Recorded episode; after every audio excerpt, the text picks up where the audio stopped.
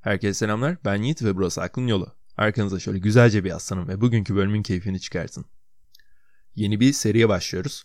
Bu seride benim en sevdiğim filozof olan Alan Watson bazı anlatılarını size aktaracağım ve beraber yorumlamaya çalışacağız.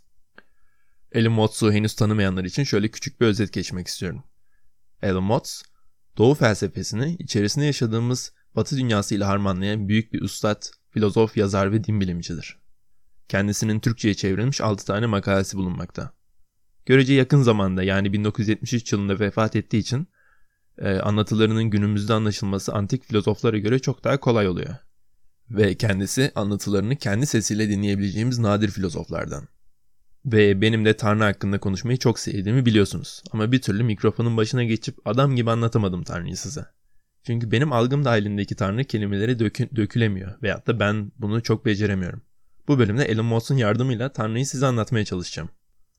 Bu konuların çok hassas olabileceğinin de farkındayım. Lütfen dini görüşünüz veya Tanrı inancınız neyse yaklaşık 15 dakikalığını bir rafa kaldırın. Belki de hayatınızda ilk defa olacak ama korkmadan beni dinlemeye çalışın ve anlamaya çalışın. Burada sadece siz ve ben varız. Herhangi bir düşünceyi de aşılamaya çalışmıyorum. Siz dinleyicilerimle beraber düşünmek istiyorum. Neyse, lafı yine fazla uzatmadan bölüme geçelim. Çoğumuzun zaten bildiği astronot hikayesiyle başlayalım isterseniz. Bu hikaye bölümün temelinde yer alacak. O yüzden çok dikkatli dinleyin lütfen. Bir gün bir astronot uzayın diplerine doğru bir yolculuğa çıkmış.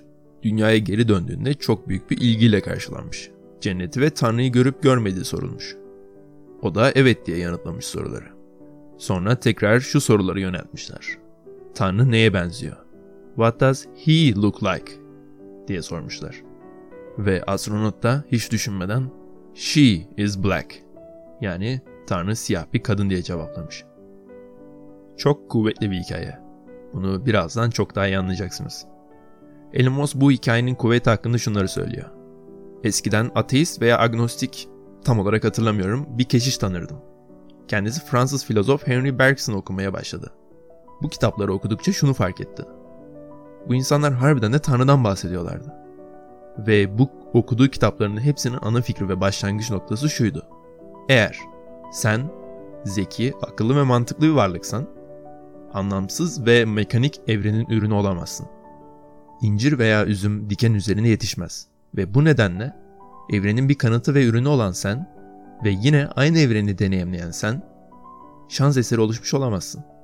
Çünkü bir ağacın meyvesi olan zeki insanlar, zeki ise bu meyveyi veren ağaç da zeki olmalıdır. Bu çıkarımda bulunurken çok dikkatli olunmalı. Çünkü yanlışlıkla bu ağacın bildiğimiz tanrı olduğu yanılgısına rahatlıkla düşebiliriz. Çok dikkatli olun. Watts henüz bir tanrıdan bahsetmedi bile. Çünkü diyor ki, ağacın olduğunu düşündüğünüz tanrı, kendi emirlerin aksine doğunun otoriter zalim baba figürüdür. Bu tuzağa düşmek çok kolaydır çünkü bu figür Katolik ve Protestan kiliseler tarafından geçmiş zamanda bizim zihnimize yerleştirilmiştir. Ve toplumun gerek istemli gerek istemsiz yaptığı baskılar yüzünden birisi Tanrı dendiğinde aklımıza o baba figürü gelmesi çok doğaldır. Bu hiçbirimizin hatası da değildir. Çünkü Hz. İsa bile kendi deneyimlediği kadarıyla Tanrı için baba, father analojisi kullanmıştır. Çünkü bunu yapmak zorundaydı. O zamanlarda ve o kültürde daha uygun bir analoji yoktu. Fakat şimdiki zamanda, son 50 yıldır özellikle, otorite baba figürüne karşı insanoğlu olarak isyan etmekteyiz. Ve farkında olmasak da bizim gibi yönetilen ülkelerde veya isterseniz biz Amerika'ya örnek alalım. Yani monarşi değil, cumhuriyet rejimiyle ayakta olan ülkelerden bahsediyorum. Eğer cumhuriyet rejimi uygulayan bir ülkenin sadık bir vatandaşıysanız ve bu rejimin devlet için en uygun rejimi olduğunu düşünüyorsanız, evrenin monarşiyle yönetilmesi düşüncesine inanmak çok zor olacaktır. Bu bahsettiğim tanrı idolünü reddetmek sizi doğrudan ateist yapmayacaktır. Çünkü varoluşumuzun temeli olan tanrının vücut bulmuş veya herhangi bir şekilde imge ile ifade edilebilmesi mühim değildir. Teologlar bu düşünceyi de sevmez zaten. Tanrı'nın doğası konusunda çok inatçı olabiliyorlar. Çoğunlukla Tanrı'nın bir şekilde bir doğası olduğundan bahsederler. Etik monoteizm yani tek tanrıcılık şu anlama gelmektedir. Evrenin yönetim gücü aşırı derecede katı belirli kurallar ve fikirlerden oluşmaktadır. Ki bu fikirler bizim zihnimizde şekil vermektedir. Ve dikkatli olmazsan eğer evrenin temel tohumuna, kurallarına karşı gelirsen bir şekilde cezalandırılacaksındır. Demode tanımıyla sonsuza kadar cehennemde yanacaksın. Daha modern bir şekilde söylemek gerekirse otantik bir insan olma yolunda başarısız olacaksın. Cezanın nasıl tanımlandığı önemli değil. Buradaki ana fikir dünyanın arkasında bir otorite var ve o otorite sen değilsin. Başka bir şey. Ve bu sebeple Yahudilik, Hristiyanlık ve Müslümanlık gibi inançlar insanların içine garip bir his yerleştiriyorlar. Hatta insanların varlığın temelinden uzaklaştırıyorlar diyebiliriz. İnsanlar büyümüyor ve sakal dedelerden korkuyor hale geliyor. Elon Musk bu kelimeleri söylerken 5 tane torunu olduğu için artık dedelerden korkmadığından bahsediyor. En az kendi dedem kadar da aptalım diyor. Ve bu yüzden beyaz sakallı bir tanrıya başını eğmeyeceğinden emin olduğunu belirtiyor. Tabii ki de biz akıllı insanlar olarak e, aslında uzun beyaz sakallı tanrıya inanmıyoruz öyle değil mi? Tanrı'nın ruh olduğunu düşünüyoruz. Veya tanımlanamaz olduğunu söylüyoruz. Fakat tanrı fikrinin duygularımız üzerinde, fikirlerimiz üzerinde olduğundan çok daha büyük bir etkisi var. İşte tam olarak bu yüzden camide namaz kılarken veya ilkel bir iman ritüeli düzenlerken, kiliseye giderken veya ilahi söylerken etrafımıza baktığımızda çeşitli beyaz sakallı yaşlı adam figürlerini görebiliyoruz. Veya aklının en karanlık yerlerinde Tanrı'yı yaşlı bir adam olarak düşünüyorsunuz. İşte Tanrı'nın siyah bir kadın olma hikayesi bu yüzden bu kadar güçlü. Allah baba demek yerine Allah anne dediğinizi düşünün. Veya onun nurlar içinde saf ışık olarak değil de karanlık bir şey olarak düşünün. Hindi mitolojisinde Kalli çiziminin gerçek olduğunu düşünün. Eğer bilmiyorsanız internete girin ve K-A-L-I The Great Mother yazın ve ne kadar korkunç şekilde resmedildiğine bakın bu tanrının. Kali'nin kocaman upuzun bir dili var ve genelde dışarı çıkartmış bir şekilde karşımıza çıkıyor. Dilinden kanlar akıyor. Bir elinde kılıç, diğer elinde kelle var. Ve çoğu resimde kocası Shiva'nın ölü bedeni üzerinde duruyor. Ve tahmin edeceğiniz gibi bu korkunç yaratık Hindulara göre kainatın arkasındaki gerçek. Tanrı tarih boyunca çok daha korkunç şekillerde de tanımlandı. Bunun şöyle düşünmenizi istiyorum. Şu an muhtemelen evde oturup bu podcast dinleyen sizlere nasılsınız diye sorduğumda fena değil diyeceksinizdir büyük bir ihtimalle. Yani hastanede değilsiniz. Muhtemelen akşam yemeği yemişsinizdir, fena hissetmiyorsunuzdur. Fena hissetmediğinizi biliyorsunuzdur çünkü bilinçaltınızda zihninizin derinliklerinde olabilecek ve olmasını asla istemediğiniz korkunç şeylerin de farkındasınızdır. İşte bu yüzden iyi hissediyorsunuzdur. Çünkü düşünmesi bile korkutucu olan o şeylerle yüzleşmek zorunda değilsinizdir. Demek istediğim eğer iyi olmayan durumlar olmasaydı iyi durum nasıl var olabilirdi ki? Öyle değil mi? Bunu anlatmamın sebebi astronot hikayesini daha iyi görebilmenizdir. Tanrı siyah bir kadındır. Öncelikle feminendir ki bu psikolojide negatif prensip olarak adlandırılıyor. Evet, e, tabii ki de günümüzdeki kadınlar kesinlikle bunun negatif olarak algılanmasının yanlış olduğunu söyleyeceklerdir. Ki haklılar da. Çünkü negatif pozitifin karşıtı olarak karşımıza çıkmakta. Ve bunu böyle biliriz, öyle değil mi? Fakat negatif negatif bir şey değildir. Konkavlık olmadan konvekslik de olamaz. İşte bu sebeple kadınlığın negatifliği açıkça hayat vericidir. En önemlisidir. Fakat şu an bunun farkında olmayan bir kültürde yaşıyoruz. Bir resim veya bir kuşun çizimini gördüğünüzde altındaki beyaz kağıdın farkında olmazsınız. Basılmış bir kitap gördüğünüzde asıl önemli olan kitaba basılanlar olduğunu düşünürsünüz. Üzerine yazılan kağıdın bir önemi olmadığını.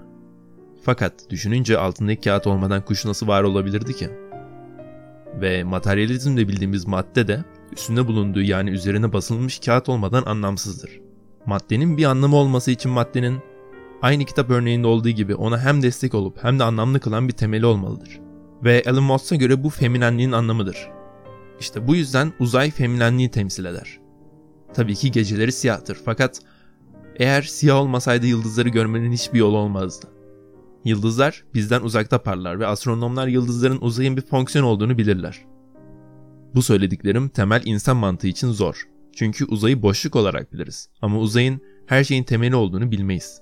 Bu tıpkı bilince benzer. Kimse bilincin ne olduğunu bilmez. Evren için uzay neyse bizim için de bilinç odur. Bildiğimiz her şeyin arka planıdır. Bu yüzden ona çok dikkat etmeyiz. Sadece bilinç algımızda anlamlı şeylere dikkat ederiz. Madde dediğimiz şeylere. Görüş mesafesinde olanlara.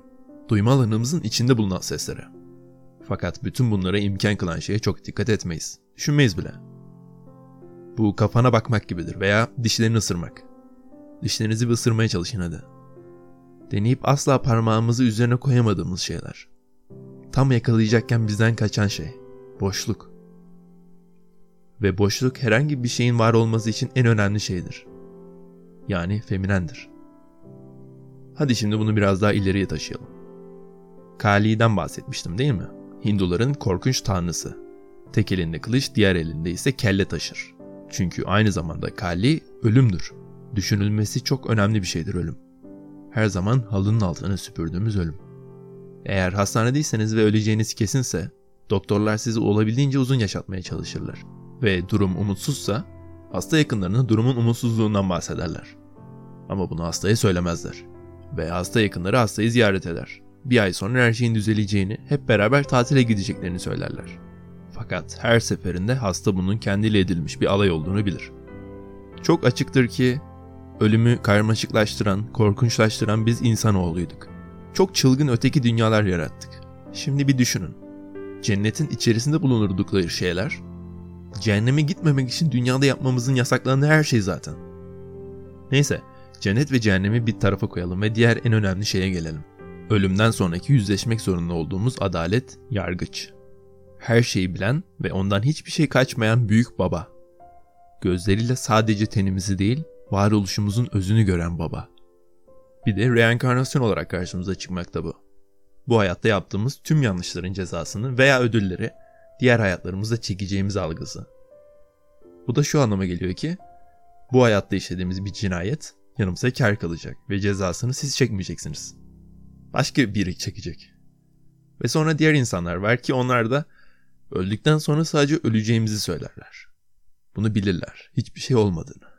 Bu yüzden neden boşuna kaygılanıyoruz ki derler. Evet bu fikri bizler çok sevmeyiz değil mi? Bu canlı canlı gömülmek gibi olmayacak ama. Sonsuza kadar karanlık da olmayacak. Elon Musk şunları söylüyor. Aslında hiç var olmamışız gibi olacak. Sadece sizde değil. Geriye kalan her şeyde. Bunu bir süre düşünün. Gerçekten korkmadan bunu düşündüğünüzde içinizde hissedeceğiniz o değişik duyguya bir bakın.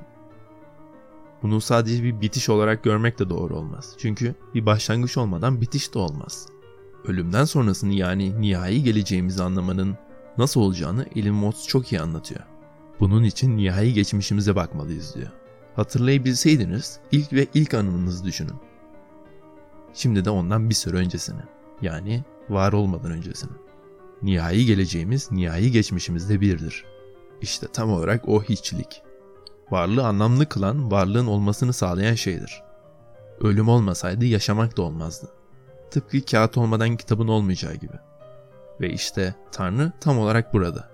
Çünkü Tanrı siyah bir kadındır. Tanrı imgesini oluşturmaya çalıştığımızda gerçekten iman eksikliğimizin temellerini buluruz. Tutunacak bir şey ararız. Fakat inanç tuttuğumuz şeyi bıraktığımızda başlar öyle değil mi? O şeyi bıraktığımızda iyi olacağımızda inanç. Ancak ve ancak tutunduklarımızı bırakırsak evrenin temeline siz olduğunu göreceksiniz. Siz derken bahsettiğimiz siz, sizin algınız dahilinde veya kendinizi tanımladığımız şekilde siz değil. Etten kemikten oluşan siz değil. Tutamadığımız siz. Tutmaya çalıştığımız siz. Zaten neden tutmaya çalışıyoruz ki? Tutsak ne olacak? Onunla ne yapacağız ki? Kim ne yapacak onunla? İşte bu yüzden inancın en büyük özelliği onu kovalamaktan vazgeçmek. Tutunmayı bırakmak. Çünkü ancak o zaman harika şeyler beraberinde gelecek. Ve bütün bu ruhsal, tanrısal imgelerin kurallarını takip etmekten başka inanç yolları olduğunu da keşfedeceksiniz.''